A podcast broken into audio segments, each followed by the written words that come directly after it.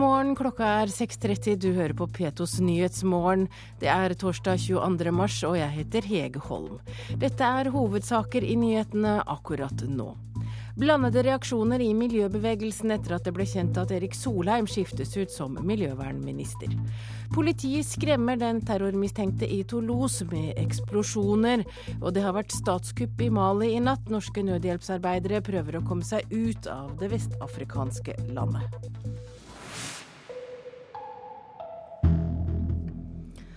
Da skal vi først til regjeringsendringene, for både SV og miljøet blir tapere hvis Erik Solheim forlater regjeringen. Det mener Greenpeace-leder Truls Gullofsen.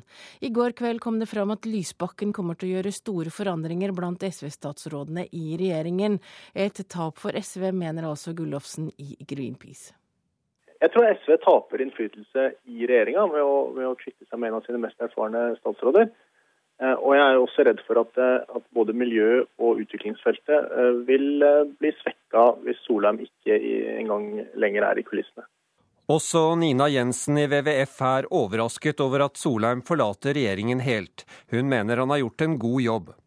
Solheim har gjort en fremragende jobb som miljø- og utviklingsminister. Han har fått til store og viktige tiltak, bl.a. Redd pluss-satsingen og bevaring av internasjonal tropisk skog.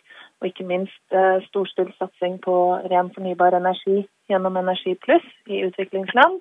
Også Bellona-leder Fredrik Hauge berømmer Solheim, men han mener det kan være positivt med nye krefter. Når det gjelder miljøpolitikken i Norge, så mister nok SV en del erfaring. Samtidig så trengs miljøpolitikken til denne regjeringen å revitalisere. Så det var vel kanskje ikke så uventet som at han også går av, eventuelt, hvis ryktene er sanne, som bistandsminister. Etter det NRK får opplyst, skal Miljøverndepartementet og rollen som utviklingsminister igjen splittes opp. Det syns Silje Lundberg i Natur og Ungdom er en fordel. Vi trenger å ha en miljøvernminister på fulltid. og Det er særlig viktig nå framover i arbeidet med klimameldinga. Sluttinnspurten før den skal leveres i juni. Da trenger vi å ha en miljøvernminister som er her i Norge, og som kan bidra sterkt inn i de forhandlingene. Å bytte ut Solheim vil være et tap for regjeringen, mener KrF-leder Knut Arild Hareide. Ja, jeg tenker at eh, Erik Solheim er en kapasitet. Eh, så dersom SV velger å la Erik Solheim gå ut av regjeringa, så har de veldig god råd. Og reporter her var Tom Ingebrigtsen. Og i løpet av natta har det løst flere skudd ved boligen til den terrormistenkte 23-åringen i Toulouse i Frankrike, men mannen har ennå ikke overgitt seg. Og utenriksmedarbeider Eivind Molde, hva mer eh, kan du si om det som skjedde i natt? Så Folk i området hørte en eksplosjon og to skudd ved eh, totida i natt. Og sent i går kveld så ble det også meldt om tre eksplosjoner i området.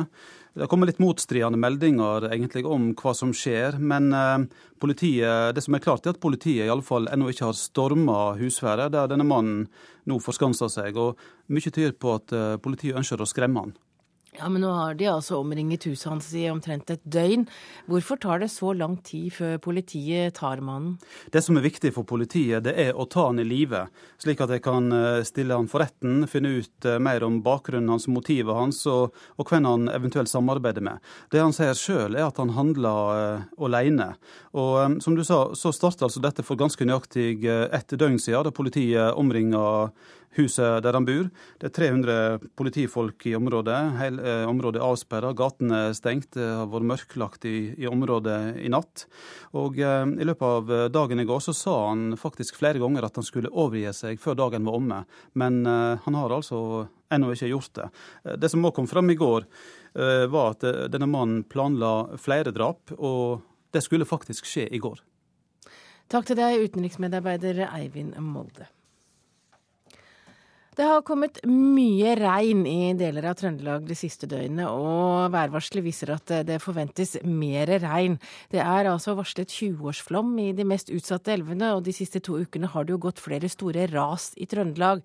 Og mer vann kan jo også øke rasfaren. Anne Britt Leiseth, du er direktør i skredavdelingen i Norges vassdrags- og energidirektorat. Hvordan er situasjonen nå i de rasutsatte områdene? Ja, det stemmer som du sier. Det har kommet eh, mye nedbør tidligere. Eh, og det skal fortsette regn utover dagen og, og til natta. Eh, så vi avventer jo situasjonen. Så langt så har vi ikke hatt meldinger i løpet av natta om at det har gått store ras eller har vært store skader som følge av flom. Men vet dere hvor rasene kan komme? Vet dere hvilke steder som er utsatt? Generelt så kan man si at det er i bratt eh, terreng og ned mot eh, bekker og elver som det er rasutsatt. Eh, det er vanskelig å påpeke mer nøyaktig hvor det er, men, men det er viktig å, å, følge med også hvordan vannstigninga er i små bratte vassdrag, og se hvordan dette utvikler seg. Når dere varsler, eller det blir varslet en 20-årsflom, hva betyr det? Ja, det, eh, Begrepet 20-årsflom sier noe om eh, gjentaksintervallet her. Eh, og det vil si at det, er en er 5% sannsynlighet årlig at vi får en så stor flom. Det betyr at det er en relativt stor, alvorlig hendelse dersom, får, dersom, dette slår til. Hvordan, hva bør folk som bor i nærheten av elver som er, kan være utsatt for en 20-årsflom, hvordan skal de oppføre seg? Ja, det, det, som er veldig viktig, det er å passe på at vannveier er åpne, og at man holder eh, kulverter og, og, eh, og, og eh, stikkrenner og sånn åpne. Men i tillegg er det også viktig å, å ikke oppholde seg i, i, i, nærheten eller prøve å unngå å, å gjøre ting som utsetter en sjøl og verdier for fare. Og ser de at elva tar nye løp, så er det kanskje på tide å da er det på tide å se om man skal finne seg en annen plass å, å oppholde seg. Takk til deg, Anne Britt Leiseth. Du er altså direktør i skredavdelingen i Norges vassdrags- og energidirektorat. Anders Behring Breivik vil at forsvaret hans skal stevne mulla Krekar som vitne. Det bekrefter forsvarsadvokat Geir Lippestad overfor Aftenposten. Ifølge avisen er Krekar aktuell som vitne fordi mullaen etter Breiviks mening har et sammenfallende syn på verden som han selv, nemlig at Vesten og den muslimske delen av verden er i krig, skriver Aftenposten. USA må vise at de mener alvor, alvor før fredssamtalene med Taliban kan gjenopptas. Framfor alt må de løslate fem Taliban-fanger på Guantánamo. Det sier Talibans utenriksminister til NRK. Taliban ga beskjed om at de trekker seg fra fredssamtalene med USA etter at en amerikansk soldat drepte 16 sivile for halvannen uke siden. Det er iskaldt i Mutawakils spartanske dagligstue. Han eh, unnskylder seg og byr på varm te idet han setter seg. Talibans utenriksminister fram til høsten 2001 er fjernet fra FNs liste over terrorister, men tar ikke avstand fra Taliban og er godt informert om hvordan ledelsen tenker. Jeg mener amerikanerne bør overlate fangene til Taliban. De må vise at de mener alvor når det gjelder å gjenoppta samtalene, sier Mutawakil på mitt spørsmål om hva som skal til.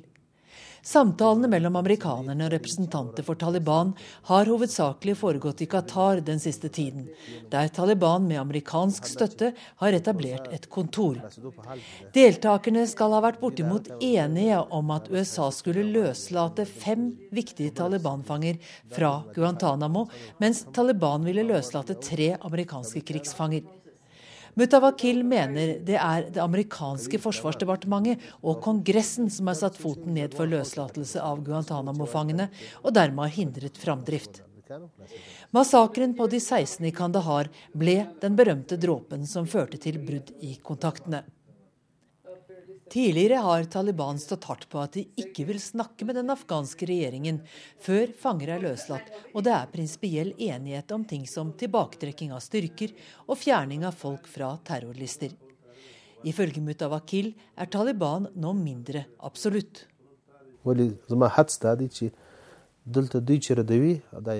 Min gjetning er at det Taliban avviser, er samtaler bare med den afghanske regjeringen, uten at det samtidig forhandles med de internasjonale, sier Mutawakil. Hvis en kan få til trepartssamtaler, så kan det skje parallelt. Det vil være en stor fordel, mener den tidligere utenriksministeren. Han ser altså for seg at Taliban snakker med amerikanerne og allierte, og med representanter for den afghanske regjeringen i atskilte møter, men parallelt. Men for øyeblikket er det altså ingen virkelige fredssamtaler på gang. Og på mitt spørsmål om muligheten for at de blir gjenopptatt i år, svarer han med skepsis. Jeg tror ikke det blir lett. Hvis den afghanske regjeringen og USA kommer opp med en idé og en besluttsomhet som gir håp, er det mulig. Men framdriften til nå gir ikke grunn til håp, sier Mutawakil. Helt til slutt spør jeg om hvordan han ser på forholdet mellom Taliban og Al Qaida nå. Det er en kampallianse. Den afghanske regjeringen og Nato er også en allianse mellom afghanere og ikke-afghanere. Det er det samme på den andre siden. Taliban og Al Qaida har felles fiende. Så lenge det er krig, er denne alliansen nødvendig, avslutter Wakil Ahmed Mutawakil, som i dag bor i en støvete sidegate i Kabul med den afghanske regjeringens beskyttelse. Og det sa utenriksreporter Gro Holm fra Kabul.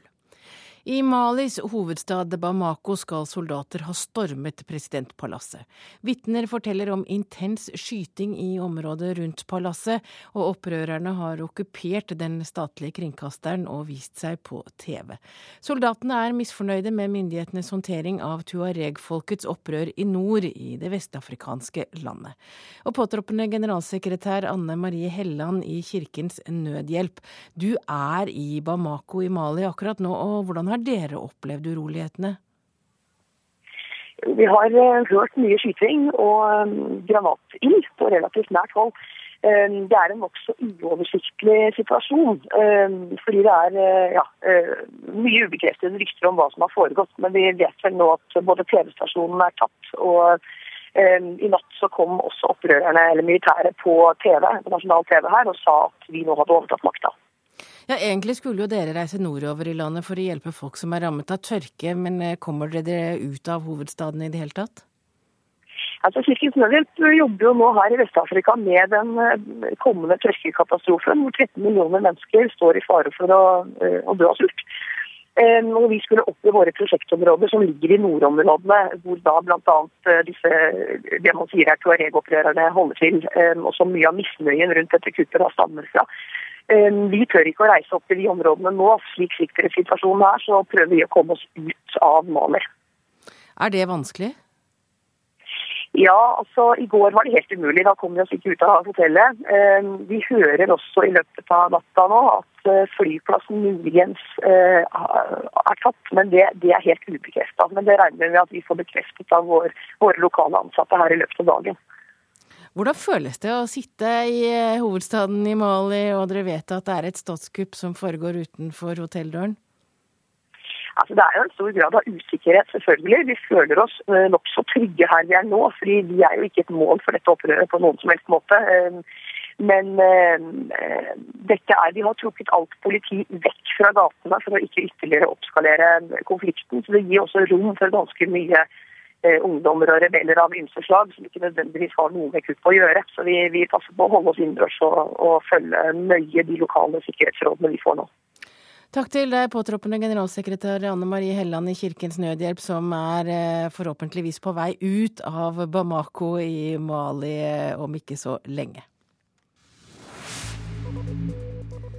Da har vi kommet fram til dagens ferske aviser. Genforskning kan løse magetrøbbel, skriver Bergens Tidende.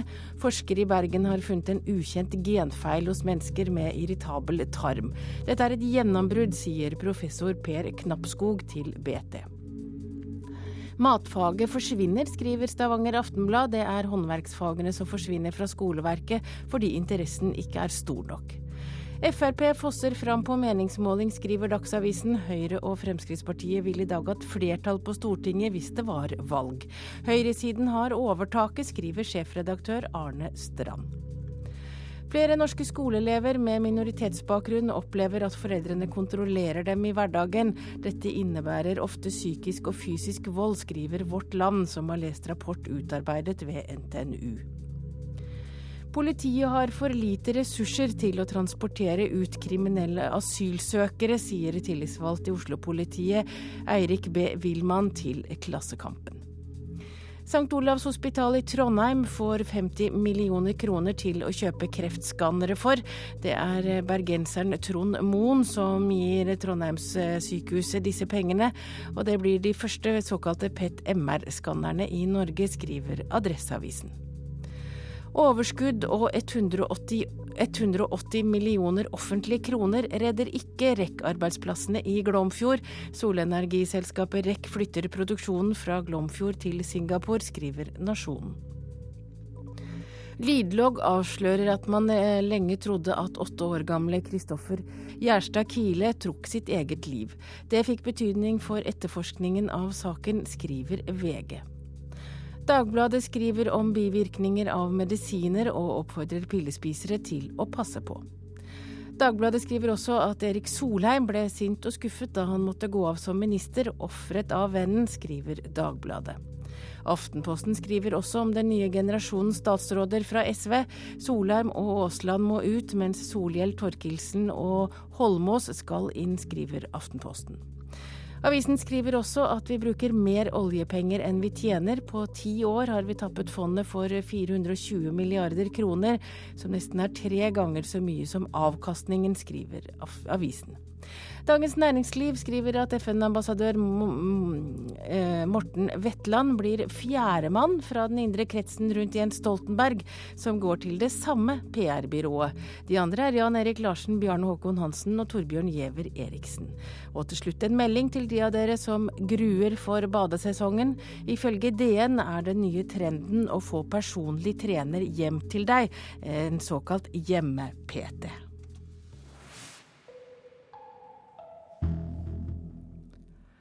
Nok en spansk dopinglege er tatt. Alberto Beltran ble forleden arrestert etter å ha dopet bl.a. sykkelproffen David Garcia.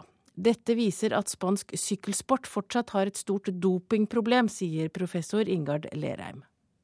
Ja, Det er trist. Eh, altså, Sykkelsporten sentralt har jo gjort en del fremskritt når det gjelder å, å ta blodprofiler utover utøvere osv. Og, og, og eh, de har for så vidt til en viss grad vært med på laget i antidopingarbeidet. Men det dukker stadig opp ting som dette, og det er da siste skudd på stammen, bokstavelig talt, det som nå har kommet fram. Dopinglegen Alberto Bertram har fått eh, herje fritt i spansk sykkelsport i ti år. Han var på rømmen til Colombia da etterforskerne beslagla datamaskiner, minnebrikker og diverse preparater, som siste generasjon EPO, som heter ICAR, eller TB500. Nå må han belage seg på fengselsstraff.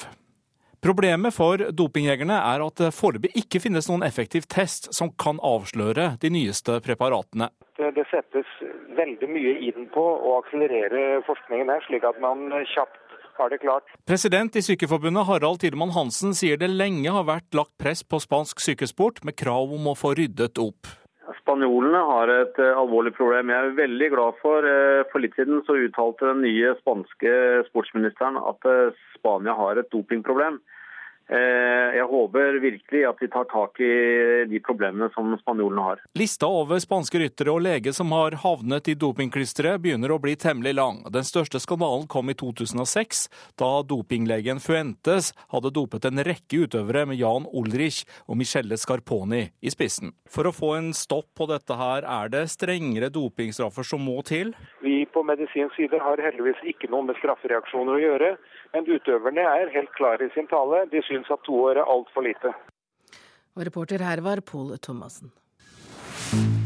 Du hører på Nyhetsmorgen i NRK P2 og Alltid nyheter. Klokka er 6.48, og dette er hovedsaker i nyhetene akkurat nå. Blandede reaksjoner i miljøbevegelsen etter at det ble kjent at Erik Solheim slutter som miljøvernminister. Politiet skremmer den terrormistenkte i Toulouse med eksplosjoner, og nasjonal kampanje for skolebibliotekene virker ikke.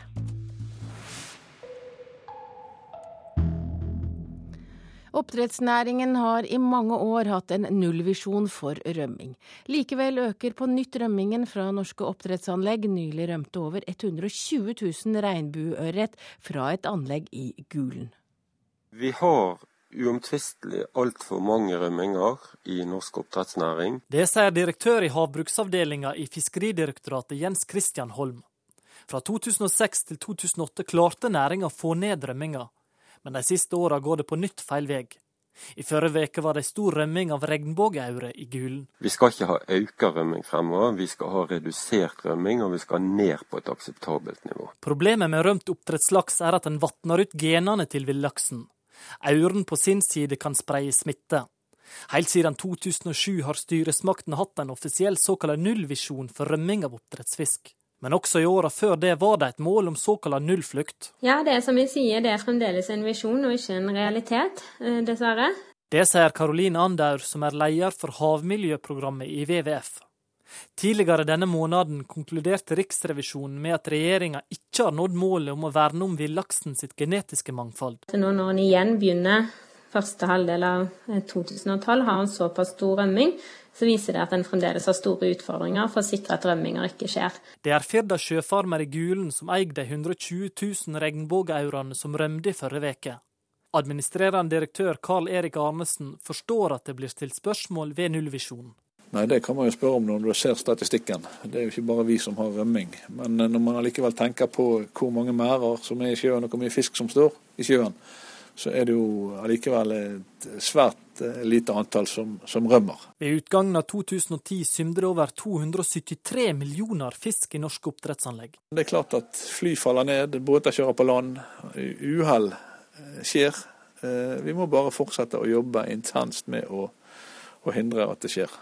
Bare i løpet av januar og februar eksporterte den norske næringa laks og aure til en verdi av over 4 milliarder kroner. Et godt omdømme kommer ikke ved å lage reklamekampanjer, det er faktisk ved å ha ting i orden. Eh, og vise til at en gjør de rette tiltakene for å sikre at en ikke har en negativ påvirkning på miljøet. Ja, og reporter her var Terje Gillesammer. I Hedmark og Oppland og i landet for øvrig har de siste årene blitt lagt ned en rekke skoler pga. et lavt elevtall og dårlig kommuneøkonomi. Fram mot neste skoleår står enda flere skoler i fare for å bli lagt ned. En av dem er Ile skole i Vestre Toten. Jeg syns det er veldig trist, fordi da blir det liksom ikke noen bakgrunn for den lille bygda. Hva er det som er bra med å gå på skolen her, da? Vi er få, alle kjenner alle. Det er liksom Ja, det er litt lettere både for elever og lærere. Elev Ida Søderberg vil ikke miste skolen sin, og hun får støtte fra FAU-leder på Ile skole, Marianne Tokvam. Det er for at Ile skole, skolen i bygda, er jo limet i bygda. Det er jo den som er møteplassen. Det er jo der vi har all aktivitet knytta opp. Og det er jo pga. skolen at folk vil bo i bygda. Den er viktig for tilflytning og, og bosetting i, i området. Men lyden av skoleklokkene kan stilne i mange bygder til høsten. De siste 25 årene har det blitt lagt ned 50 skoler i Norge hvert år, og trenden fortsetter. NRK har kartlagt hvilke skoler som står i fare for å legges ned i Hedmark og Oppland. 31 av 48 kommuner har svart, og i disse kommunene kan over 15 skoler bli lagt ned i løpet av våren. Seks av skolene er det allerede bestemt at skal legges ned. På Ile skole slåss de for skolen sin. Vi kjemper for å beholde skolen vår og få den opp igjen på et godt og trygt elevtall. Og inntil det er gjort noe vedtak, så er det det som er kampsaken vår. For FAU-lederen innrømmer at det ikke er heldig med så få elever som det er på skolen i dag. Det er klart at det, Med så få elever så er det veldig sårbart. Og det er ingen av oss som foreldre som ønsker at det er slik det skal være. Det har alltid gått opp og ned med, med elevtallet på Ile, og det vil det nok fortsette med. Men nå er vi nede i Bøljedalen, og elevtallet vil stige hvis vi bare får beholde skolen. De fleste av kommunene som vil legge ned eller vurderer å legge ned skoler, bruker økonomi som hovedårsak, men mange sier også at lavt elevtall er en viktig del av vurderingen. På kontoret til ordfører Leif Vårum i Vestre Toten får foreldre og elever ved skolen ingen lovnader. Hva som teller et tyngst her, så, så, må man jo ta hensyn til det pedagogiske ved en skole. Det er jo det, er jo det viktigste. Eh, og, og, læring og, og, slike ting. Men økonomi har jo også noe å si for en kommune som, som Vestre Toten. Og ordføreren får støtte av professor Thomas Nordahl ved Høgskolen i Hedmark. Han mener de pedagogiske hensynene bør komme i første rekke. Hvis ikke reiseavstanden blir for stor, så eh, kan det ut fra elevers læring være hensiktsmessig å, å, samle elever i litt større skoler. Eh, fordi at Da blir det et noe bedre læringsmiljø, og det blir litt mindre sårbart i forhold til lærere. Pedagogikkforskeren mener hensynet til bygda ofte blir satt foran hensynet til barnas læring. Det opplever, opplever vi veldig ofte at fokuset er på å bevare bygdesamfunn, og at egentlig skolen implisitt blir brukt som et argument for å opprettholde ei bygd som vel kanskje allerede er i ferd med å dø litt ut. Tilbake i skolegården er elevene redde for at politikerne skal legge ned skolen deres på bygda i Vestre Toten. Jeg syns det er veldig synd, for det er jo det er en så fin skole. Hva tenker du om hvis du hadde måttet flytte til en annen skole, hvordan hadde det vært? Det hadde sikkert gått bra, men jeg tror det er best på Ile. ja. Reidar Gregersen var reporter på Ile skole. Og vi holder oss til skoler, for vi skal snakke om skolebibliotek. Skolebibliotekene har ikke fått det store løftet som ble varslet i nasjonal kampanje for fire år siden. Forskjellene i tilbudet er stort fra skole til skole, og neste år avsluttes programmet som skulle bidra til å utjevne forskjellene. Da bare går med enten til biblioteket eller til leserommet. Sjetteklassingene ved Lye skole på Jæren hiver seg over bøkene i skolebiblioteket. Det er sånn nyhetshylle, men den blir veldig fort tomme. Margrethe, om det er vitsebøker her lenge? Margrethe Hauge er en av tre norsklærere som har fått kurs i bibliotekarbeid og fått frigjort mer tid for å skape leseglede her. Vi kan, vi kan bruke dobbelt så mye tid. Det blir jo ni klokketimer sant, hvis du regner inn for- og etterarbeid så i uka i plassen for fire og en halv. Det har vært mulig fordi skolen har fått 221 000 kroner i støtte fra et nasjonalt program som skal styrke skolebibliotekene i Norge. Sånn, den ekstra ressursen du får, det blir jo akkurat til den litt mer kreative delen, ikke bare å drifte biblioteket. Norske skolebibliotek er dårligst i Norden, og nå krever en kampanje at myndighetene må skjerpe seg.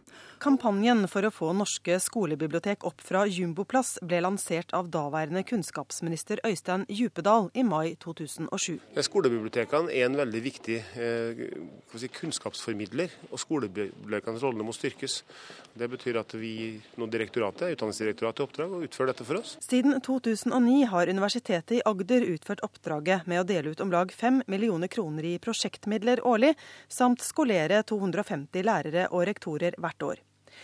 40 millioner kroner har det kostet, men neste år avsluttes programmet, og nå frykter Norsk bibliotekforening at utviklingen stopper opp, sier leder Anette Kure. I de kommunene og skolene som har vært heldige å få være med i program for skolebibliotekutvikling, så ser man et løft. Man begynner å se resultater som kan overføres til andre, men det er jo langt fra et løft. Det er fortsatt sånn at det er store forskjeller i landet. det er store store skoler som har veldig få ressurser til å drive skolebibliotek for, så det er absolutt rom for stor forbedring fortsatt. Hva er det som skal til for at skolebibliotekene skal få et skikkelig løft? At kunnskapsministeren og Kunnskapsdepartementet sier at skolebibliotek er så viktig at det må skoleeiere gjøre noe med. Men statssekretær Elisabeth Dale i Kunnskapsdepartementet har ingen løfter. I 2014 så skal dette evalueres, og før den tid så vil jeg ikke forskuttere hva som kommer til å skje videre. Og vi vil sterkt oppfordre kommunene til å prioritere oppbygginga av skolebibliotekene, for vi tror det er viktig for elevenes læring. Ja, reporter her var Anette Johansen Espeland. Da har vi kommet fram til et værvarsel som gjelder til midnatt. Jotunheimen og Langfjellet, nordvestlig frisk bris utsatte steder, oppholdsvær. Rondane, fjellstrøkene Dovrefjell, svenskegrensa, fjellstrøkene Trollheimen, Strynefjellet. Vestlig kuling utsatte steder, regn av og til vesentlig i nord, snø i høyfjellet og sol i sør. Østafjells for det meste lettskyet pent vær, Rogaland oppholdsvær og utrygt for tåke. Hordaland etter hvert stort sett oppholdsvær, lokal tåke. Sogn og Fjordane sørvest frisk bris, ved Stad stiv kuling, i ettermiddag litt minkende. Etter hvert stort sett oppholdsvær og fare for lokal tåke. Møre og Romsdal sørvest periodevis sterk kuling, i kveld liten kuling, litt regn og yr. Trøndelag sørvest periodevis sterk kuling, i kveld vestlig liten kuling. Regn, snø over 800 til 1000 meter, lokalt mye nedbør og utrygt for tåke. Nordland vestlig liten kuling utsatte steder, fra ettermiddag vestlig opp i stiv kuling og i kveld nordvestlig liten kuling. I sør regn, i nord regnbyger og sluddbyger og mest nedbør på Helgeland. Troms litt snø og sludd, fra i ettermiddag vestlig stiv kuling på kysten. I kveld nordlig frisk bris, regnbyger og sluddbyger. Finnmark fra i formiddag litt sludd og snø i vestlige delen, ellers oppholdsvær. Nordensjøland på Spitsbergen stort sett opphold og til dels pent vær. Og så er det temperaturer målt klokka fire. Svalbard lufthavn sju, Kirkenes minus sju, Vardø null, Alta minus ni, Tromsø-Langnes minus to, Bodø seks, Brønnøysund sju, Trondheim-Værnes åtte, Molde åtte, Bergen sju, Stavanger sju, Kristiansand-Kjevik 5, Gardermoen 2, Lillehammer 3, Røros 2 og Oslo-Blindern 4 grader.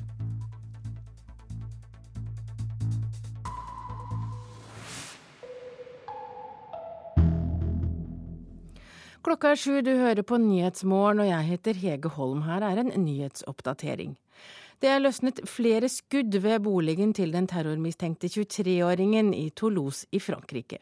Det som er klart er at Politiet i alle fall ennå ikke har storma husværet der denne mannen nå forskanser seg, og mye tyder på at eh, politiet ønsker å skremme han. Det sa utenriksmedarbeider Eivind Molde. Det er ikke bra for SV eller miljøet at Erik Solheim forlater regjeringen, mener Greenpeace. Jeg tror SV taper innflytelse i regjeringa ved, ved, å kvitte seg med en av sine mest erfarne statsråder. Det sa Greenpeace-leder Truls Gullofsen. USA må løslate Guantánamo-fanger før fredssamtalene kan gjenopptas. Det sier Talibans tidligere utenriksminister til NRK. Samfunnet vil tjene milliarder på at vi begynner å gå til jobben eller butikken. 15 minutter aktivitet for eh, hele befolkningen daglig er regnet om til en eh, verdigevinst for 50 milliarder kroner. Og det sa helsedirektør Bjørn Inge Larsen. Flyktninger med flere koner må velge hvilken kone de vil ha til Norge. Hussein har flere koner og venter nå på en av dem. Ei kone og elleve barn som har ønsket å komme til Norge. Nyhetsmorgen. Da skal vi til Toulouse i Frankrike, der det i løpet av natten er løst flere skudd ved leiligheten til den terrormistenkte 23-åringen. Men mannen som er mistenkt for å ha skutt og drept sju mennesker, deriblant tre barn, har ennå ikke overgitt seg. Og utenriksmedarbeider Øyvind Nyborg, du er i Toulouse. Hva mer kan du si om det som har skjedd i natt? Mm, ja, I tillegg til skuddene som du akkurat fortalte om, så har det også vært hørt minst én eksplosjon. Og Det er eh, etter alt å dømme da spesialstyrker som har eh, tatt seg mot leiligheten og, og fyrt av disse ladningene. Og Det gjør de for eh, å skremme Mohammed Merah, 23-åringen som er forskanset seg inne i leiligheten her i Toulouse. Men akkurat nå så er det ikke noen tegn til noen nye framstøt fra spesialstyrkenes side. Hva vet vi om mannen som er mistenkt? Vi vet at han er 23 eh, år, at han eh, er eh, fransk, at han har algerisk bakgrunn. Han sier, selv om få naboer tror på dette her, så sier de at han, sier han at han har tilknytning til Al Qaida. Noen mener også at han skal ha vært i en slags treningsleir i, i Pakistan og Afghanistan. Dette er ikke fullt ut bekreftet. Det han oppgir som motiv for drapene, det er at han ville hevne palestinske barn som, som blir drept i Gaza. Og I tillegg så er det en protesthandling mot krigen i Afghanistan. Nå har politiet omringet huset hans i ett døgn. Hvorfor tar det så lang tid før de går inn og tar han? Franskmennene her de sier på høyt hold at uh, de vil uh, ta ham i live, at det kommer til å skje. og Det er bare spørsmål om, om, tid. Men de er veldig opptatt av å, å få tatt ham i live, slik at man får den fulle sannheten på bordet om disse drapene som har rystet Frankrike og hele Europa. Hva vet du om det som kommer til å skje i dag?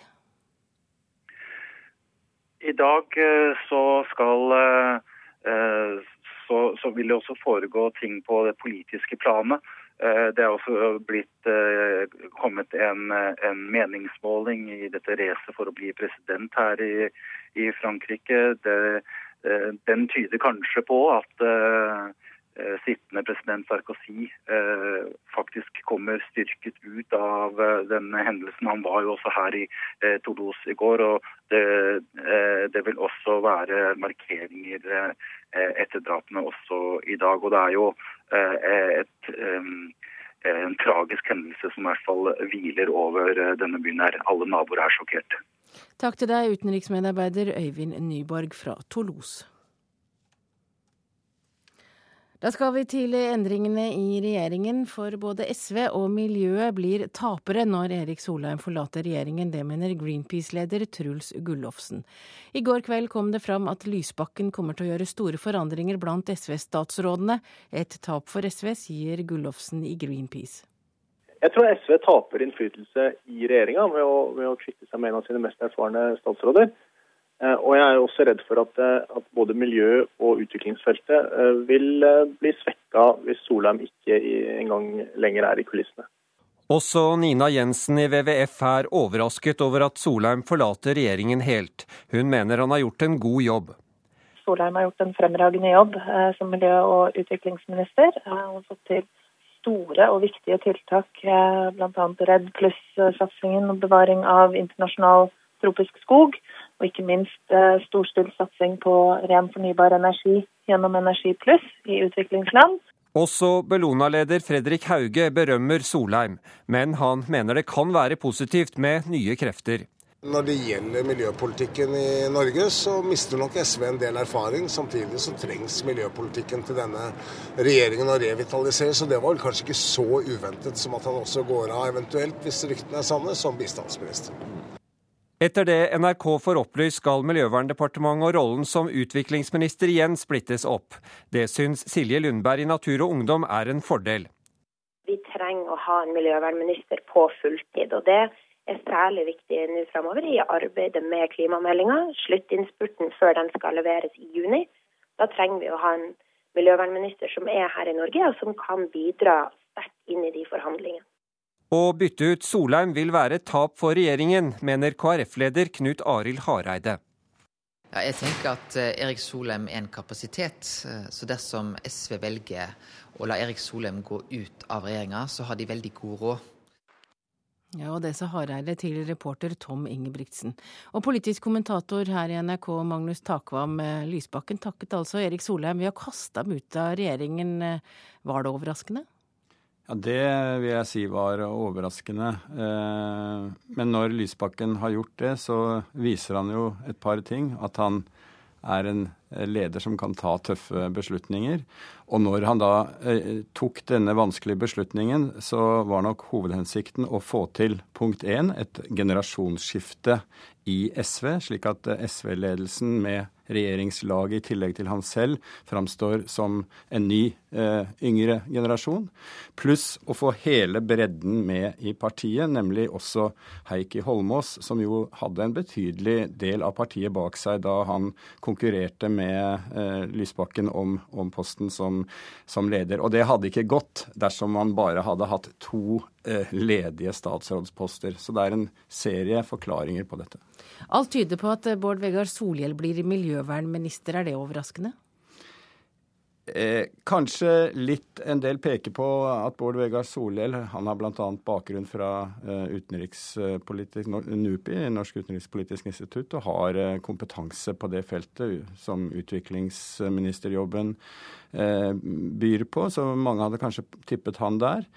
Men jeg tror at eh, hovedårsaken her er at Bård Vegar Solhjell blir eh, statsråd nummer én for SV i regjering pga. sin erfaring som statsråd, sitt arbeid tidligere på statsministerens kontor osv. Og, så og da er det lite gunstig å reise jorda rundt hele tiden. Da må vedkommende være eh, i Oslo eh, veldig mye. Hva betyr det å være statsråd nummer én? Det betyr at man eh, er visestatsminister, og at man også da på vegne av SV sitter i det underutvalget som man beholder for den daglige beslutningsprosessen eh, i, i regjeringssystemet med faste møter osv. Mens vi jo vet at det er Lysbakken som sitter i dette nye partilederutvalget som tar de største og vanskeligste eh, beslutningene som trenger politisk avklaring. Men SV trenger også en i, i dette underutvalget som fortsetter eh, å, å virke. og eh, da må han selvfølgelig være til stede og, og, tilgjengelig veldig mye. Vi har også med oss professor i statsvitenskap ved NTNU, Anders Todal Jensen. Hvorfor tror du Lysbakken og SV gjør disse endringene akkurat nå? Det er nok eh, mange grunner til det, men eh, jeg tror at eh, ommøblering med tanke på valget i 2017, altså ikke i 2013, men i 2017, kanskje er det viktigste momentet. Situasjonen er jo den at to av tre regjeringer i Vest-Europa taper valg nå. Og det gjør jo at utsiktene for å vinne valget i 2013 er beskjedne. Og da må SV, og i og for seg hele regjeringa, begynne å tenke på valget i 2017. Og i 2017 så vil eh, Erik Solheim f.eks. være en eh, relativt eh, tilårskommen herre, og kanskje ikke en mann for en ny ministerpost. Hvem av de to er du mest overrasket over som må forlate regjeringen? Ja, Både eh, Solheim og Aasland har jo vært eh, ansett som veldig dyktige fagstatsråder. Men eh, kanskje har de ikke vært vellykkede som SV-statsråder. Det er en nyanseforskjell i det. Eh, Aasland eh, har vel bestyrt et felt som SV etter hvert har prioritert ned, eh, sammenligna med grunnskole og førskole. Og Solheim han har kanskje snakka vel mye bistand og litt lite miljø. Eh, så sånn sett har nok begge de to statsrådene vært i en eh, hva skal jeg si, utsatt eh, posisjon. Så jeg, jeg så vel kanskje som mange andre at Aasland kanskje var den som med mest sannsynlighet var på vei ut. Men skulle denne kabalen gå opp, så måtte enten Solheim eller Kristin Halvorsen ut. Og Halvorsens autoritet trenger SV i regjering fortsatt. Er du enig i den analysen at eh, de er litt lite SV-ere, både Aasland og Solheim? Ja, til en viss grad vil jeg si det. Altså at eh, alle kjenner jo til Erik Solheims historie og hans politiske praksis, der, der han ble kritisert eh, i sin tid av partiorganisasjonen for på en måte å legge programmet til side og slike ting. Og det er klart at hans engasjement er på sak. Altså det er på fattigdomsbekjempelse, det er på de store linjene i miljøpolitikken osv. Han er ikke så opptatt av eh, partipolitikk.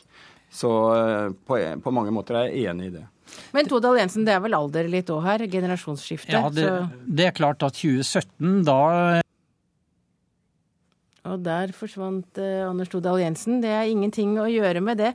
Men eh, Magnus Takvam, det er ikke mange i SV som vil kommentere nyheten om statsråder, ja kanskje bortsett fra noen få som ikke sitter, sitter sentralt lenger og er litt skuffa i dag. Hvorfor det? Nei, det er jo ikke offisielt ennå, og da passer det seg liksom ikke å, Men hva tror du reaksjonene blir, bortsett fra de som er litt sure? Nei, altså de må vi også, også, da ta med, for så vidt. Det er jo klart at en, for en del så betyr, betyr, dette litt negative nyheter. Eh, Akhtar Chaudhry i Oslo vil neppe eh, bli nummer én eh, til stortingsvalget på listen i Oslo i valget i, i 2013, siden Heikki Holmås, som er hans rival i den sammenheng, kommer inn som statsråd. Er det vanlig at statsråden går først. F.eks. er det en, en problemstilling. Ellers så kan det nok være at en del peker på den manglende skal vi si, distriktsprofilen, selv om jeg kanskje ikke tror det blir en sånn voldsom kritikk. Men det er åpenbart at de som nå er i SVs regjeringslag, kommer fra de sentrale uh, urbane strøk og lite Nord-Norge osv. Vestlandet. Takk til deg, politisk kommentator i NRK Magnus Takvam. Dette er nok en sak du kommer i studio og snakker mer om i løpet av dagen. Og også takk til Anders Todal Jensen, professor i statsvitenskap ved NTNU, som eh, forsvant eh, litt tidlig eh, ut av dette innslaget. Da skal vi snakke om solenergiselskapet REC, for eh, REC kan ikke bruke penger de har fått av Innovasjon Norge til utvikling. I går ble det klart at driften ved fabrikken i Porsgrunn får fortsette en måned til for å kunne bevise at de kan tjene penger. Men pengestøtten som skulle være med på å redde driften i solenergiselskapet i Porsgrunn, står fortsatt ubrukt på konto. Vi har ikke brukt no, en enda krone av de pengene enn så lenge, i og med at vi ikke kan inntektsføre dem pga. premissene som ligger til grunn. da. REC fikk 22 millioner kroner fra Innovasjon Norge, som bl.a. skulle gå til et teknologiutviklingsprosjekt. Men pengene er gitt med én betingelse. At REC fortsatt er i drift i Norge om fem år. Og det kan ikke konserndirektør André Knyppel love.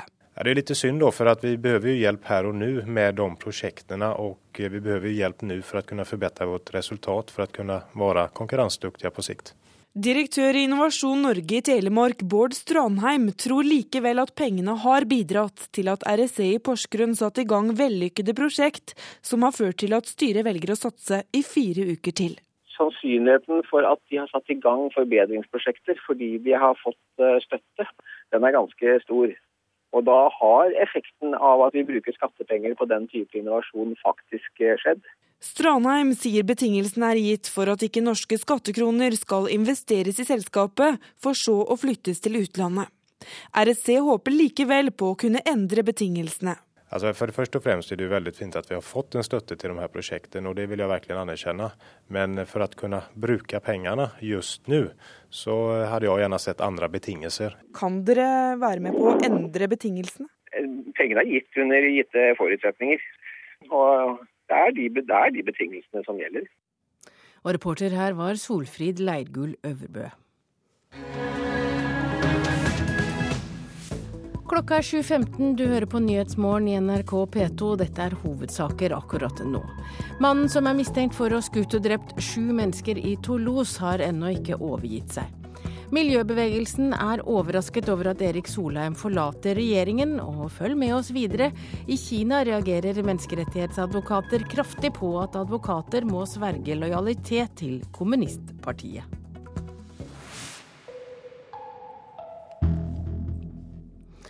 Har du tenkt å gå til jobben eller til butikken i dag? Det er i hvert fall mye å vinne på en rask spasertur, og gjøre det litt ofte. Samfunnet kan innkassere en gevinst på 50 milliarder kroner i året på at to millioner nordmenn går et kvarter ekstra hver dag. Det viser tall fra Helsedirektoratet. For helsas skyld, prioriter gående og syklende framfor bilistene, sier helsedirektøren til NRK. Pensjonist Kari Skribeland i Kristiansand går ofte dit hun skal. Jeg sykler og går hver dag, altså. Så jeg prøver så godt jeg kan å holde meg i form med det. altså. Jeg tror det gjør godt. Det er veldig viktig. Sola skinner i Kristiansand denne dagen, og både Okari og mannen Arnt har fin farger i fjeset. Det er noe som, eh, som, som er med på å styrke helsa, og, og du forebygger mye. Men langt fra alle beveger seg så mye som de her pensjonistene. Bare to av ti voksne er fysisk aktiv den anbefalte halvtimen om dagen. Og under halvparten av oss går til fots ti minutter i sammenheng hver dag. Selv om det er rene medisin, sier helsedirektør Bjørn Inge Larsen. Vi vet at et stillesittende liv det gir mer kroniske sykdommer. Eh, det er selvfølgelig også vanskeligere å ikke gå opp i vekt. Men helt uavhengig av det, så er risikoen for hjertesykdom, muskel-skjelettsykdom, til og med psykiske lidelser påvirkes av eh, fysisk aktivitet. Vegvesenet la nettopp fram en nasjonal gå-strategi, og direktør i Vegdirektoratet Marit Brandtzæg innrømmer at de kan gjøre mer for at det skal bli attraktivt å ta beina fatt. Jo, jeg tenker Hvis jeg skal gå fra der jeg bor og til jobben min, så er det viktig at det er trygt for meg å gå. At det finnes fortau, at det finnes gangveier, og at det er framkommelighet for, for alle. Men er det det i dag? Nei, det er det ikke. Eh, verken der det er meninga at vi skal gå, eller der det er kan f.eks. anleggsarbeid og ulike ting. Til denne gåstrategien har Helsedirektoratet regna ut hva samfunnet kan vinne, bl.a. i form av mindre sykefravær, hvis vi alle går litt mer hver dag. Bare en veldig moderat økning på 15 minutter aktivitet for eh, hele befolkningen daglig er regnet om til en eh, verdigevinst for 50 milliarder kroner for samfunnet årlig. 50 milliarder kroner, det kan du bygge ti operahus for om du vil. Nå mener helsedirektøren at veimyndighetene må forandre kurs. Vi ønsker jo at de skal fokusere mye mer på de gående og de syklende, og mindre på eh, bilistene. Det vil være bra for helsa. Eh, og ambisjonene i de planene som de legger fram eh, nå, skulle vi ønske at var høyere. Drosjesjåfør Kai Johnsen sitter mye stille i løpet av arbeidsdagen, og har i perioder hatt vondt i ryggen. Han vet at det ikke er så mye som skal til for å rette på det. Det er jo en liten investering med 15 minutter om dagen. Det er jo nesten skremmende så lett det er. Pensjonistparet i Kristiansand mener folk sjøl må ta ansvaret for å bevege seg mer hver dag.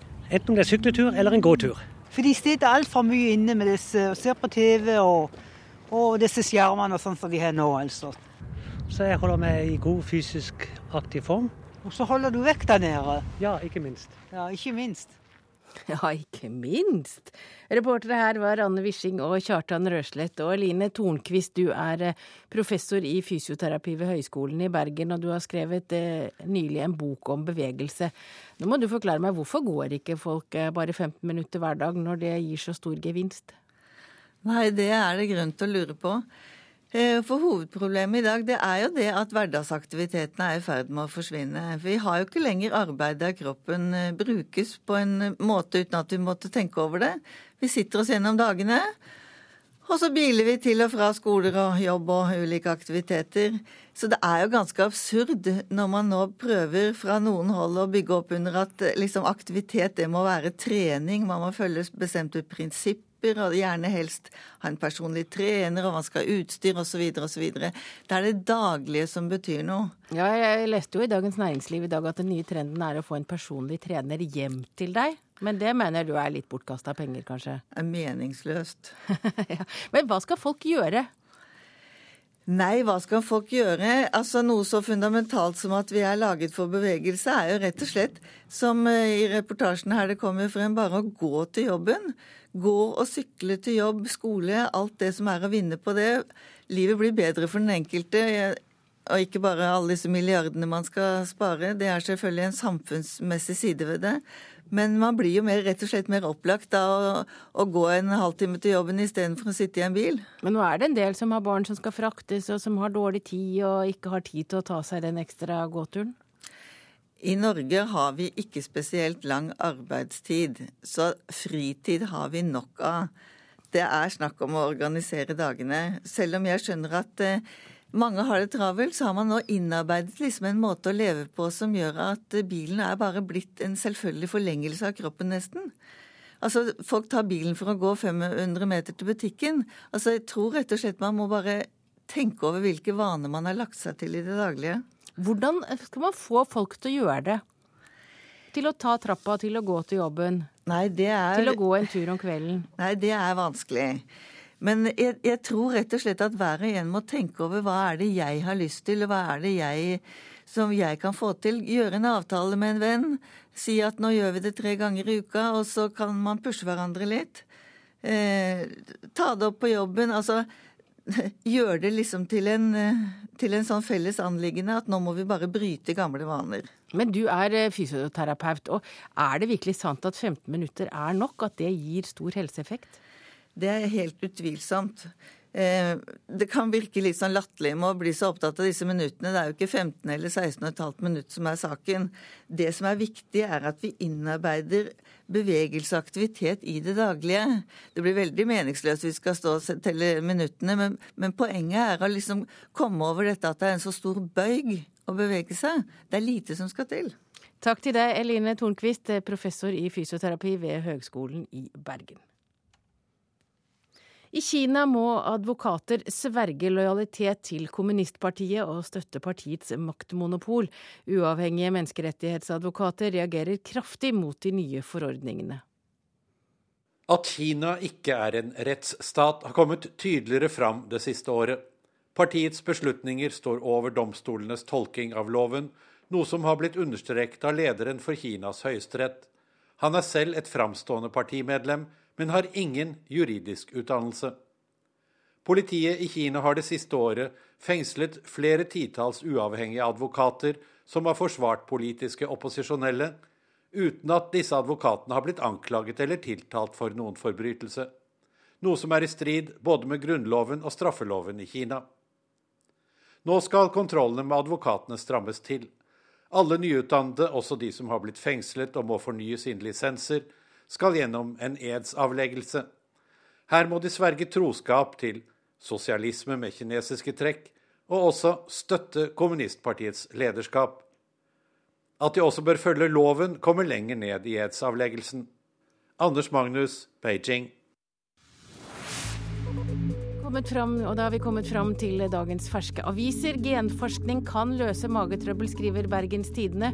Forskere i Bergen har funnet en ukjent genfeil hos mennesker med irritabel tarm. Dette er et gjennombrudd, sier professor Per Knappskog. Matfaget forsvinner, skriver Stavanger Aftenblad. Det er håndverksfagene som forsvinner fra skoleverket fordi interessen ikke er stor nok. Fremskrittspartiet fosser fram på meningsmåling, skriver Dagsavisen. Høyre og Frp vil i dag ha flertall på Stortinget hvis det var valg. Høyresiden har nå overtaket, skriver sjefredaktør Arne Strand. Flere norske skoleelever med minoritetsbakgrunn opplever at foreldrene kontrollerer dem i hverdagen. Dette innebærer ofte psykisk og fysisk vold, skriver Vårt Land, som har lest rapport utarbeidet ved NTNU. Politiet har for lite ressurser til å transportere kriminelle asylsøkere ut av Norge. Det sier tillitsvalgt i Oslo-politiet Eirik B. Wilman til Klassekampen. St. Olavs hospital i Trondheim får 50 millioner kroner til å kjøpe kreftskannere av bergenseren Trond Moen. Det blir de første såkalte PET-MR-skannerne i Norge, skriver Adresseavisen. Overskudd og 180 millioner offentlige kroner redder ikke REC-arbeidsplassene i Glomfjord. Solenergiselskapet REC flytter nå produksjonen fra Glomfjord til Singapore, skriver Nasjonen.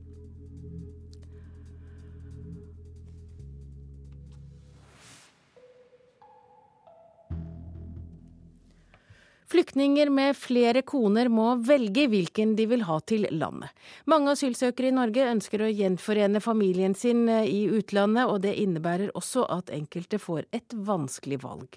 I Svelgen i Sogn og Fjordane venter Hussein Ahmed Mayomud på kone og elleve barn, men familien hans er egentlig dobbelt så stor. Jeg spiste middag for en time siden. Norske gloser blir pugga av somaliere ved norskopplæringa i Bremanger kommune. Her vedtok kommunen å ta imot 15 flyktninger, men familiegjenforening gjør at tallet raskt har økt til 52. Jeg klippet håret for tre dager siden. Mange somaliere har store barneflokker. Hussein Ahmed Mayamud har formidable 22 barn med flere koner. Ved hjelp av tolk forteller han at han nå søker familiegjenforening med elleve av dem og den ene kona. Ei kone og elleve barn som har ønsket å komme til Norge. Hussein veit ikke hvor de andre konene og barna er. De forsvant under flukt fra krigsherja Somalia. For han er det derfor ikke en problemstilling å hente den andre delen av familien til Norge. UDI forteller at de ofte opplever at flyktninger fra enkelte land har flere koner. Da må mange innvandrere gjøre et vanskelig valg, sier Snorre Sæter, som er områdeleder for familieinnvandring. Den personen må velge. Eh, så Hvis f.eks. en mannsperson med flere ektefeller i hjemlandet er her, så kan han ta med barna til Norge, men kun én ektefelle. Likevel kan ikke UDI utelukke at innvandrere får flere av konene sine til landet. For oss er det veldig viktig å forhindre nettopp at det skjer. Og Regelverket er som sagt veldig klart på det, men eh, likevel kan det ikke utelukkes at eh, regelverket kan omgås. Men eh, da må det i så fall tas ut en skilsmisse, eh, slik at eh, en eventuell kone nummer to søker familieinnvandring med barna. Vi vil likevel avslå den type saker hvis vi mener at det er sannsynlig at de egentlig skal leve som en familie eh, i Norge, og at man tror at skilsmissen er proforma. Også de som jobber opp mot innvandrerne, stadfester at flerkoneri kan være en problemstilling. Eva Richter fra Florø har vært leder for asylmottaket i Jølster kommune, og sier at noe av det viktigste er å være ærlig og direkte, slik at beboerne alt da forsto hva som var norsk lov. Noe av det de fleste som får oppholdsløyve er mest opptatt av, er nettopp å få familien til Norge. Eh, det var jo noe av det første de, de gjorde, var jo det ønsket om å få familien hit når de hadde fått et positivt svar. Og det har jeg jo sett at noen har fått familien sin her, og de blomstrer jo opp som bare det. Men å ha flere koner til land, det kan jo kanskje være greit å slippe òg, ut fra preferansene i vår ja, kultur? Det er klart det. Og da må man jo gjøre et valg. Selv om det kan være vanskelig? Jo, jo. Men, eh, men det er bare sånn det er. Og det må en være ganske konsekvent på. Vi må bare fortelle dem sånn er rammene i Norge, og det er det vi må forholde oss til. ferdig med det. I Bremanger gleder de somaliske mennene seg til å få se kone og barn igjen. Hussein Ahmed Mayamud er 66 år og savner familien. Gjennom tolk forteller han at kona og de elleve barna lever et usikkert tilvære i Etiopia. Og han er òg en gammel mann, og han trenger hjelp. Så han er i problem her i Norge, og de er i problem i Etiopia. Og reporter her var Asgeir Jens Reksnes.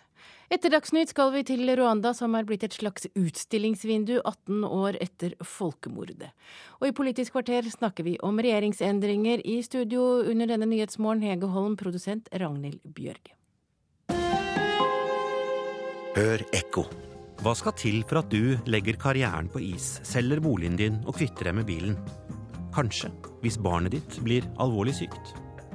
Har vi tid og råd til et barn som trenger oss døgnet rundt, eller er det helsevesenet som skal sørge for at du kan leve livet nesten som før?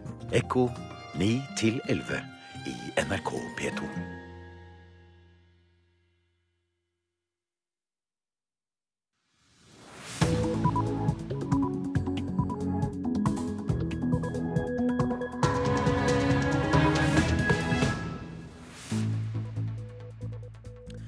Frankrike holder pusten. Flere skudd er avfyrt ved bostaden til terrormistenkt i Toulouse. Miljørørsla frykter svekka miljøpolitikk når Erik Solheim går ut av regjeringa. Ja, god morgen, her er NRK Dagsnytt. Klokka er 7.30. I Toulouse i Frankrike er det avfyrt flere skudd ved bostaden til den terrormistenkte 23-åringen i natt. Men mannen som er mistenkt for å ha skutt og drepe sju mennesker, deriblant tre barn, har ennå ikke overgitt seg. Han har vært omringa av politiet ett døgn, og ennå venter politiet sine spesialstyrker på at 23 år gamle Mohammed Mera skal overgi seg. I gaten der 23-åringen har forskanset seg, ble det hørt minst to skudd og en eksplosjon i natt. Sent i går kveld gjorde spesialstyrker seg på nytt klare til å storme leiligheten, men det er foreløpig ikke klart hva eksplosjonen skyldes. Naboene er skremt. Tre, tre triste. Tre triste. C'est une affaire ici à Toulouse qu'on n'aurait pas voulu voir ça. Det er tragisk at dette skjer her, og at det befinner seg en ekstremist i nabolaget, sier en av naboene. Mannen har forskanset seg i huset med en kalasjnikov, en maskinpistol og flere andre våpen. Han roper til politiet at han er medlem av Al Qaida.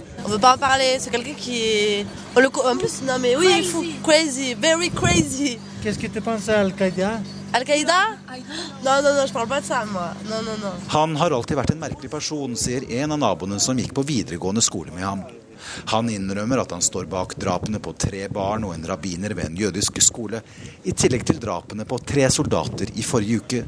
Han har også filmet drapene her i Toulouse, som skal ha vært utført som hevn for drap på palestinske barn, og som en protest mot krigen i Afghanistan.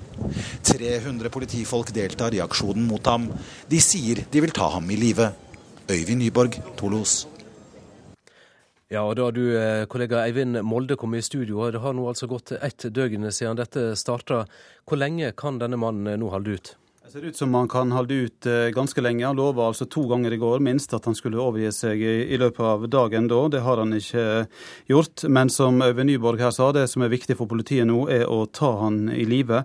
Kunne stille han for retten, funne mer ut om motivet hans og hvem han eventuelt samarbeider med under disse drapene. Han sier sjøl at han handla alene. Ja, hva mer kan du si om bakgrunnen til denne personen? Han er altså 23 år gammel, han er av algerisk opphav. Han sier at han er tilhenger av terrornettverket Al Qaida, og at han handler på oppdrag fra dem. Han forteller òg at han har vært på treningsleir i grenseområdet mellom Pakistan og Afghanistan. Og I går sa han flere ganger at han skulle overgi seg. Er det noe som tyder på at han kommer til å gjøre det med det første? Det er jo helt uvisst. Han lova dette, han gjorde det ikke. Tida gikk. Men det som er klart nå er at presset øker.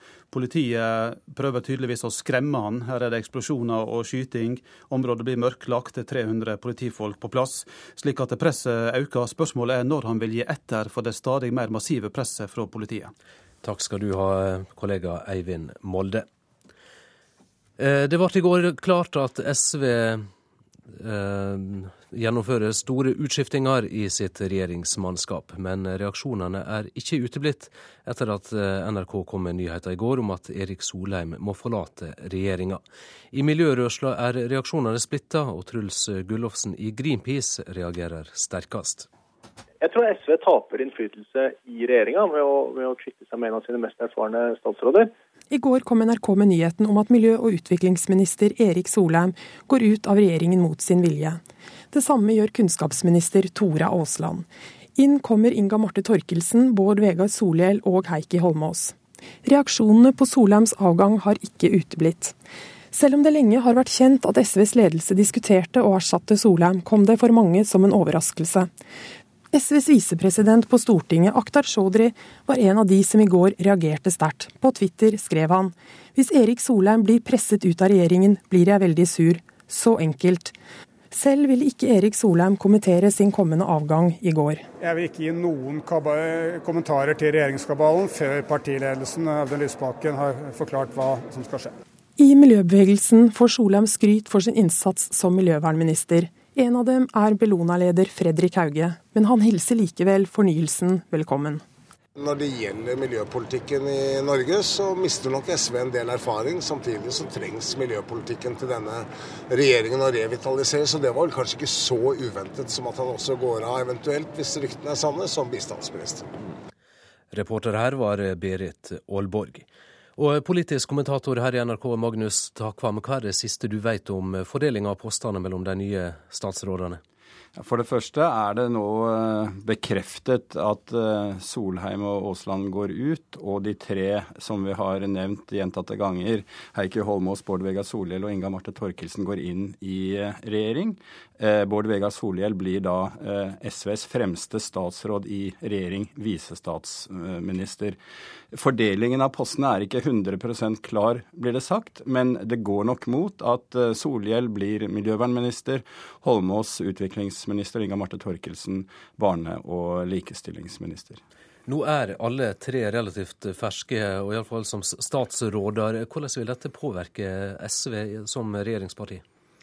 Det vil jo selvfølgelig vise seg. Jeg tror alle ser at Erik Solheim med sin erfaring og tyngde i, i regjeringen i, i, vanskelige forhandlinger eh, har vært et pre. Men samtidig så er dette grepet nødvendig for å få et generasjonsskifte, for å få hele bredden, bl.a.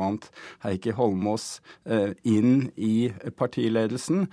Så i balansen mellom de ulike hensynene så har da Lysbakken vist at han er i stand til å ta vanskelige beslutninger, og markert at han er sjefen på denne måten.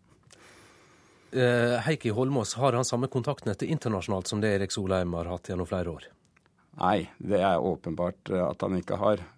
Han har jo blitt kjent for å ha et godt kontakt, kontaktverk i Norge. Men han er en eh, aktiv person og vil sikkert gjøre det han kan for å, for å få det etter hvert. Takk skal du ha, Magnus Takvam.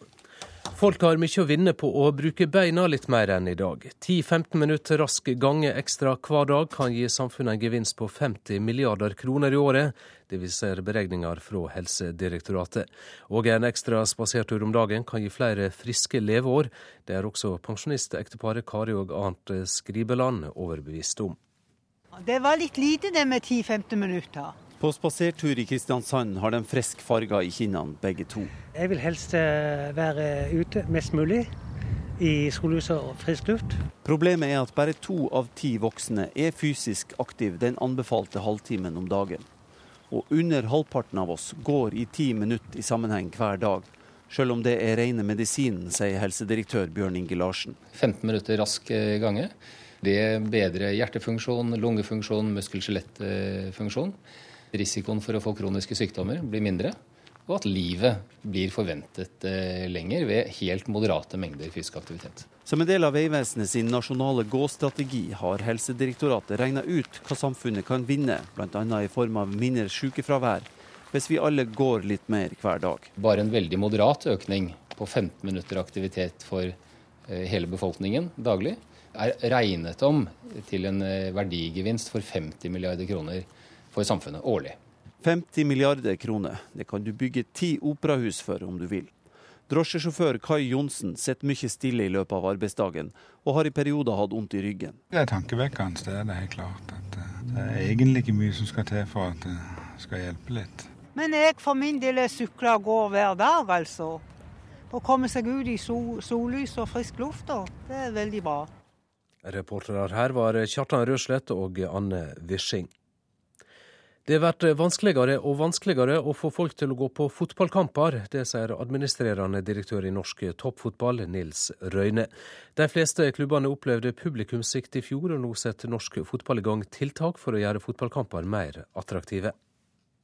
Det blir tøffere og tøffere øh, å få folk til å gå på kamp, fordi det er konkurranse om folks tid. Flere underholdningstilbud og knapphet på tid gjør at Nils Røyne og norsk toppfotball nå satser stort på å markere seg i konkurransen. Storsatsinga Ukens kamp er ett av tiltakene som dras i gang. Showet skal innom 32 byer og tettsteder, og skal ved hjelp av et innleid byrå bli intet mindre enn landets største event. Reporter var Maria Mikkelsen. Vi gjentar hovedsaka i denne sendinga. Det er at det fremdeles pågår forhandlinger i Toulouse i Frankrike. Ingenting tyder på at den mistenkte har planer om å ri seg med det første. Ansvarlig for sendinga Bjørn Christian Jacobsen, teknisk ansvarlig Hilde Tosterud og i studio Odd Christian Dale.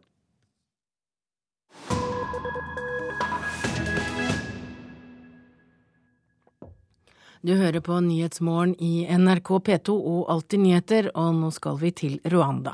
For 18 år etter folkemordet som krevde 800 000 menneskeliv i Rwanda, er eh, den økonomiske veksten i landet blitt et slags utstillingsvindu og eksempel til etterfølgelse for andre afrikanske land. Særlig Verdensbanken er begeistret. At det er så som så med demokrati, ytrings- og pressefrihet i Rwanda, kommer i skyggen når stadig flere ruandere løftes ut av fattigdom. Afrikakorrespondent Lars Sigurd Sunnanå har sendt denne reportasjen fra hovedstaden Kigali. Grossistmarkedet i Rwandas hovedstad Kigali. Her fylles lastebil etter lastebil med sukker, såpe, ris, matolje og alt som ellers må til når tusenvis av småforretninger utover i landet skal ha sin forsyning. Det er en økonomi i vedvarende fremgang vi er vitne til. Stadig flere av nasjonens ti millioner innbyggere kjemper seg nå ut av fattigdommen. Sjauingen går så svetten siler. Det er langt mellom pausene for de mange hundre som har jobbene sine her.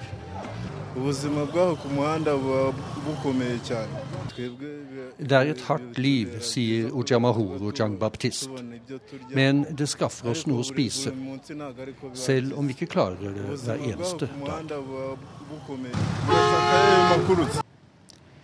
I sentrum av Kigali er det ikke mye som minner om borgerkrigen og folkemordet som la Rwanda i ruiner for 18 år siden. Det ene forretningsbygget etter det andre skyter i været, og bybildet er ganske forskjellig fra det en kan oppleve i mange andre afrikanske hovedsteder. Gater og veier er uten hull i asfalten. Det er ryddig overalt. Søppel er ikke slengt i hytt og vær. Trafikken er velordnet. Fotgjengeroverganger og signallys respekteres.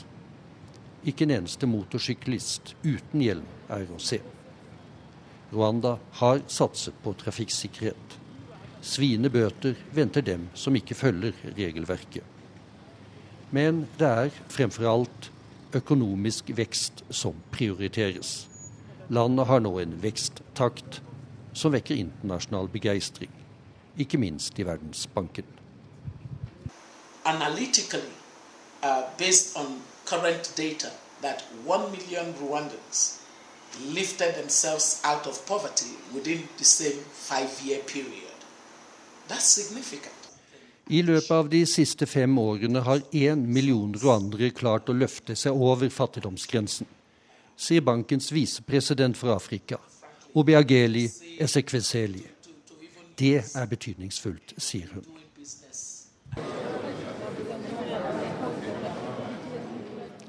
Selv om halvparten av Rwandas ti millioner innbyggere fortsatt lever under den internasjonale fattigdomsgrensen, dvs. Si at hver og en av dem må klare seg med mindre enn sju kroner dagen, er den økonomiske veksten i landet blitt et slags utstillingsvindu for Verdensbanken. Parlamentarikere fra 37 afrikanske land har i det siste vært trommet sammen i Kigali for å bli informert om virkemidlene som president Paul Kagame og hans regjering har tatt i bruk. I Næringsdirektoratet, Rwanda Development Board, hadde avdelingsdirektør Uber Rotsihitsa denne forklaringen på fremgangen. Leadership is key. Uh, you know, without a strong leadership, even if we have the vision, Nøkkelen er lederskap, sier Gotsihitsa. Uten et sterkt lederskap hjelper det ikke å ha visjoner om økonomisk fremgang. Men etter borgerkrigen har Rwanda hatt begge deler. Og det er grunnen til at vi er kommet så langt som vi er, sier han. Og klokka er 7.44, og dette er hovedsaker i nyhetene akkurat nå. Flere skudd er avfyrt ved boligen til den terrormistenkte mannen i Toulouse. Han har ennå ikke overgitt seg. Miljøbevegelsen frykter svekket miljøpolitikk når Erik Solheim går ut av regjeringen, og samfunnet vil spare enorme helseutgifter hvis vi alle går ett kvarter hver dag.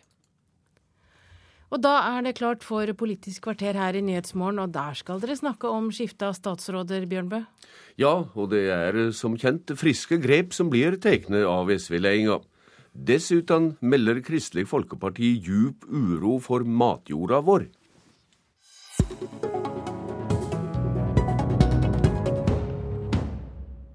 Meldinga om at Erik Solheim er på vei ut av regjeringa har overraska mange. Det er bare Kristin Halvorsen av SVs nåværende regjeringsmannskap som blir att. Dag Herbjørnsrud, du er redaktør i Ny Tid. Hvor dramatiske er disse utskiftingene etter ditt syn?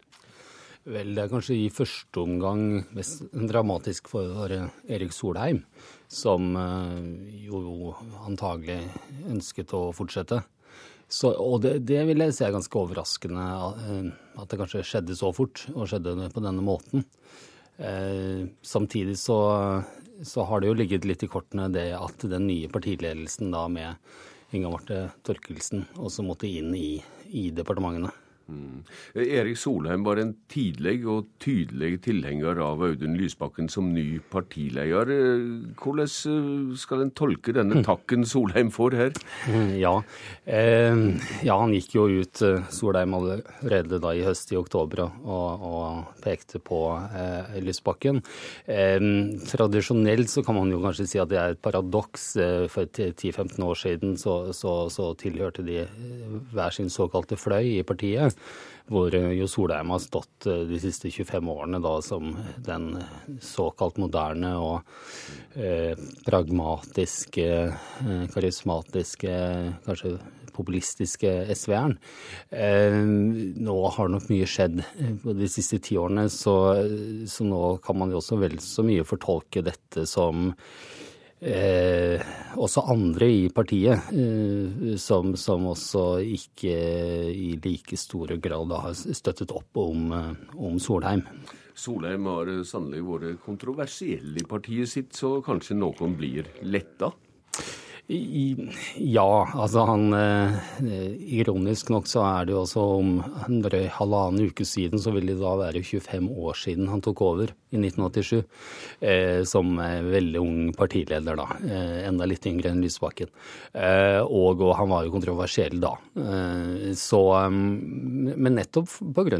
sine litt friske utspill og kanskje ikke helt eh, den mest partitro til enhver tid, helt klart. Mm.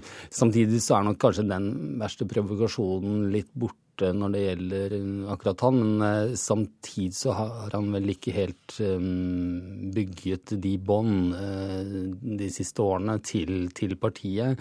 Det er vel nok en, god del i partiet som ikke synes han har i stor nok grad støttet opp om det vanlige partiarbeidet. Magnus Takvam, politisk kommentator her i NRK. Du har sagt at regjeringslaget til Audun, Audun Lysbakken er sett opp med tanke på å få med alle grupper i partiet. Hva legger du i det? Nei, det er bl.a. at uh, de som har jobbet aktivt for å få uh, Heikki Holmås som partileder, også føler seg inkludert. Vi husker landsmøtet til SV, som markerte jo uh, Audun Lysbakken at han skulle være leder liksom for alle i partiet, også de som var veldig skeptisk til ham som ny SV-leder etter historien i Barne- og likestillingsdepartementet. Så det er ett poeng. Og det er klart at dersom det bare hadde skal vi si, blitt frigitt to eh, plasser for to nye statsråder, så ville man ha gjort, kommet til et veldig vanskelig valg mellom Bård Vegar Solhjell og Heikki Holmås.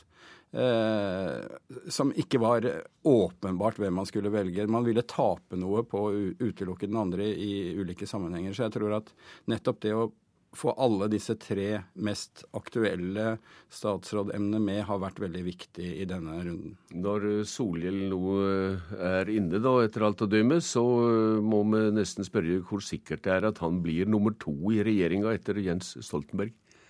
Det er så sikkert som det går an å si det nå klokka ti på åtte eh, denne dagen, men eh, det er, er, er nok slik det blir.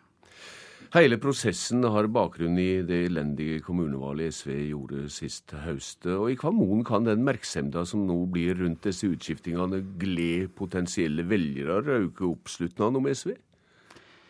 Jeg tror det er veldig vanskelig å beregne en sånn boost pga. dette. Jeg tror nok SV innser at altså, dette grepet er for det første noe som de må gjøre av ulike grunner, eh, som ikke er selvvalgt. Eh, og at de tenker langsiktig, først og fremst. Men det er klart at når dette først er, er, er, skjedd, så vil selvfølgelig partiet gjøre alt de kan for å utnytte de sterke sidene og de sterke egenskapene alle disse i det nye laget har, for å eh, revitalisere partiet eh, og, og få, få, ny entusiasme rundt, eh, rundt partiet. Dag Herbjørnsrud, hvordan vurderer du dette i den elendige situasjonen SV er i, jo velgerne ser ut til? Ja, altså Man får jo bygget et, eh, et team. altså Lysbakken får jo da et uh, ungt og, og, og, godt team. og Han får jo bygget bånd til de ulike andre unge i, i partiet. Og, og, inkluderende ved å da bl.a. ta med Heikki Holmås uh, på denne måten. Eh, med tanke på at de var jo eh, hovedmotstanderne for noen uker siden. Eh, samtidig så, er jo det et tap i seg selv også bare det å miste Solheim. Altså, som har vært en, en veldig utadvendt og eh, velgervennlig magnet for partiet til tider. Det som man, Hvis man skal se litt kritisk på dette og liksom utfordringer ved dette nye teamet, så er det nok en del som peker på at selv om et par av disse har geografisk utgangspunkt i Sogn og Fjordane og i Bergen, så, så, framstår dette nye regjeringslaget som veldig likt og liksom uh, urbant og, og knyttet til, til vekstområdene uh, sentralt i, i Oslo-området, der de er valgt fra. Og da man skulle plukke en ny nestleder, så prøvde man å få et mer, skal vi si, distriktspre, en mer distriktsprofil med Heidi Grande Røys f.eks. som nestleder. Hun ville ikke. Slik at en del vil nok eh, kommentere det. Altså, det er ingen fra Nord-Norge osv. I, i, i, i teamet, og kanskje litt vel urbant. Men eh, det er åpenbart at disse tre er de mest eh, kompetente de har i øyeblikket til å bli statsråder. Magnus Takhammer, i hva grad er disse SV-gjerningene forstyrrende for regjeringa og Jens Stoltenberg? Jeg tror nok hele prosessen rundt Sol, Lysbakkens avgang er det som har vært slitsomt, selvfølgelig, for, for Stoltenberg og regjeringen. Og disse utskiftingene tror jeg ikke spiller så stor rolle, men det, er, det har jo på en måte ført til en, en hel serie av andre saker som setter søkelyset på på uh, forvaltningsprosessen i regjeringen med, med, negativt fortegn. Så det er en slitsom effekt av uh, Lysbakken og uh, Barne- og likestillingsdepartementet-saken. Ja, Har denne saka Herbjørnsrud, rett og slett ført til auka mistanker om at makta korrumperer i denne regjeringa? Mm, ja, nå, nå, har det vært så, så, mye, og mer kan jo også komme. Eh, det, det gjenstår å se. Det er fort glemt eh, om noen måneder, da. Mm. Takk til dere, Dag Herbjørnsrud, redaktør i Ny Tid, og Magnus Takvam, kommentator her i NRK.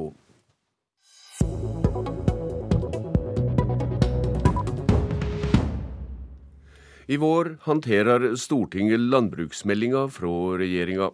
Og Kristelig Folkeparti er uroa for matjorda vår. Dagfinn Høybråten, du reiser en interpellasjon til landbruksministeren om dette i dag. Og hva er det uroa gjelder? Jeg har sett på hvor mye matjord som er blitt bygd ned i min eh, generasjon. Og det er faktisk 10 av, av matjorda her i landet. Dette er noe som skjer en gang for alle. Og jeg syns ikke vi tar ansvaret for kommende generasjoner eh, og matproduksjonen som Norge også må stå for, eh, tilstrekkelig på alvor. Vi har hatt eh, djerve målsettinger om å halvere nedbyggingen av matjord. Men år om annet siden vi satte den, det målet i 2004, så har vi bygd ned mer. Og det fylket jeg representerer, Rogaland, er det fylket som bygger ned desidert mest matjord, med 20% av nedbyggingen. Det er et faktum at rundt de store byene, Trondheim, Oslo og Stavanger særlig, så har vi den beste matjorda. Det er matfatet vårt i Norge. Mm. Og, og, der er verstingene når det gjelder nedbygging. Men dette er vel ikke bare reguleringspolitikk. Gjennom flere regjeringer så har vel dette blitt et resultat av en villa politikk, der heltidsbonden og mer rasjonell drift er et poeng? Ja, og samtidig så skjer det en urbanisering. Det skjer en befolkningsøkning i bysentrene, og, og de må ha gode eh, boliger. Men det er ikke nødvendig å ta den beste matjorda i bruk. Vi må tenke helt nytt når det gjelder byplanleggingen. Eh, ta i bruk andre arealer. Stimulere til nydyrking der vi må ta matjord. F.eks. Eh, stille krav om at tilsvarende areal, eller kanskje et dobbelt areal av det som bygges ned, blir dyrka opp igjen et annet sted. Eh, vi må i det hele tatt se på virkemidlene, slik at vi får bukt med at tusenvis av dekar av vår beste matjord som skal gi mat til kommende generasjoner, blir ødelagt for alltid. Mer høyhus i byene, syns jeg jeg hører? Ja. Det må vi absolutt tenke på. Og, og, dessuten så er det jo sånn at det, det meste av dette landet er jo stein og fjell. Så hvorfor man på død og liv skal ta kornåkrene til boliger, det, det, er vanskelig å begripe. I hvert fall vil det bli vanskelig å begripe for barnebarn. Arne Haugen fra Arbeiderpartiet, i hva grad deler du Høybråtens uro for jordbruksarealer? Ja, Det er ikke noe tvil om at uh, Høybråten uh, peker på en meget uh, alvorlig utfordring for oss. nå er det sånn at faktisk i 2011 så har vi bygd ned mindre dyrka jord enn det vi har gjort noen gang siden den registreringa starta i 1976. Ja, ja, og det ble bygd ned da også? Ja, det ble bygd ned godt over 6000 mål. Men det er, det er, omtrent på linje med de målsettingene vi har hatt. Og så vil det her svinge, selvfølgelig. Men eh, tilbake til Høybråtens påpekning av hvor problemene er, så, så, så deler jeg den. Det er jeg det er din beste dyrka jorda som er i fare. Mm. Du er også saksordfører i Stortinget for landbruksmeldinga, og der er selvforsyning og økt matproduksjon i takt med folkevoksteren viktige poeng. Hvor viktig er arealet i en slik sammenheng i høve til rasjonell, mer rasjonell drift? Ja, det er meget viktig. Og, det, og den beste dyrka jorda er i tilknytning til store befolkningssentra. Så det, det er veldig viktig å føre en en eh, restriktiv eh, jordvernpolitikk mm. for å ta vare på kornjorda. Og det er den som er nøkkelen her for å nå målsettingene i landbruksmeldinga. Ja, det er jo mellom annet det også Kristelig Folkeparti tar til orde for, Dagfinn Høybråten. Dette er snakk om landbrukspolitikk i stort. og Hvor interessert er det i å lage forlik om landbrukspolitikken med regjeringspartiene?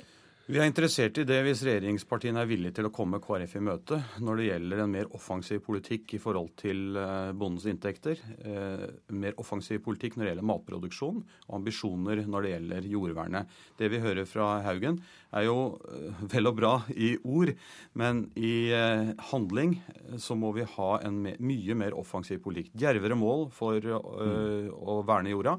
Og vi må også ha eh, sterkere vern om den beste matjorda i lovgivningen. Regjeringen sendte et forslag på høring om det eh, for et par år siden. La det deretter i skuffen fordi kommunene var imot det. Det er klart at kommunene vil være imot enhver eh, innstramming av deres frihet til å bruke matjorda som de vil. Eh, men, men, her etterlyser jeg fra Arbeiderpartiet, men også fra Senterpartiet, som sitter med landbruksministeren, en mye mer offensiv linje. Arne Haugen, hvor interessert er du i å lage forlik om å minke inntektsskillnader mellom jordbruk og andre i samfunnet, og øke kornarealet, slik eh, Kristelig Folkeparti vil? Ja, jeg er interessert i det. Eh, og vi ser nå under utviklinga av, av innstillinga vår i i, eh, i, Stortinget, så vil vi se hva, vi kan eh, få til. Det er vanskelig å konkludere på det eh, akkurat i, i dag. Mm. Men jeg tror for min del at bønder over hele landet, og alle som er interessert i jordbrukets stilling i, i, i Norge, vil være opptatt av at det er et bredere flertall i Stortinget for landbrukspolitikken framover mm. enn bare de nåværende regjeringspartiene. Det tror jeg er veldig veldig viktig for langsiktigheten og forutsigbarheten for norsk landbrukspolitikk. Ja. Eh, Høybråten, I hva grad er sikring av heimelig matproduksjon også et moralsk spørsmål for deg? Det er i høyeste grad et spørsmål om forvalteransvar. Og det er en viktig verdi for KrF, men også en viktig verdi for Norge. Eh, vi sitter alle med et ansvar for kommende generasjoner, og hvis vi ikke tar vare på matjorda, så ødelegger vi deres mulighet for å eh, produsere mat til vårt eget forbruk og eh, ta vår del av ansvaret i verden.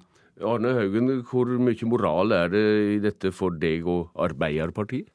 Ja, det, De moralske aspektene her tror jeg vi, vi, deler med KrF. Spørsmålet er hvor harde virkemidler vi er villige til å sette inn. Takk til dere, Arne Haugen og Dagfinn Høybråten. Nå er Politisk kvarter slutt. Jeg heter Bjørn Bø.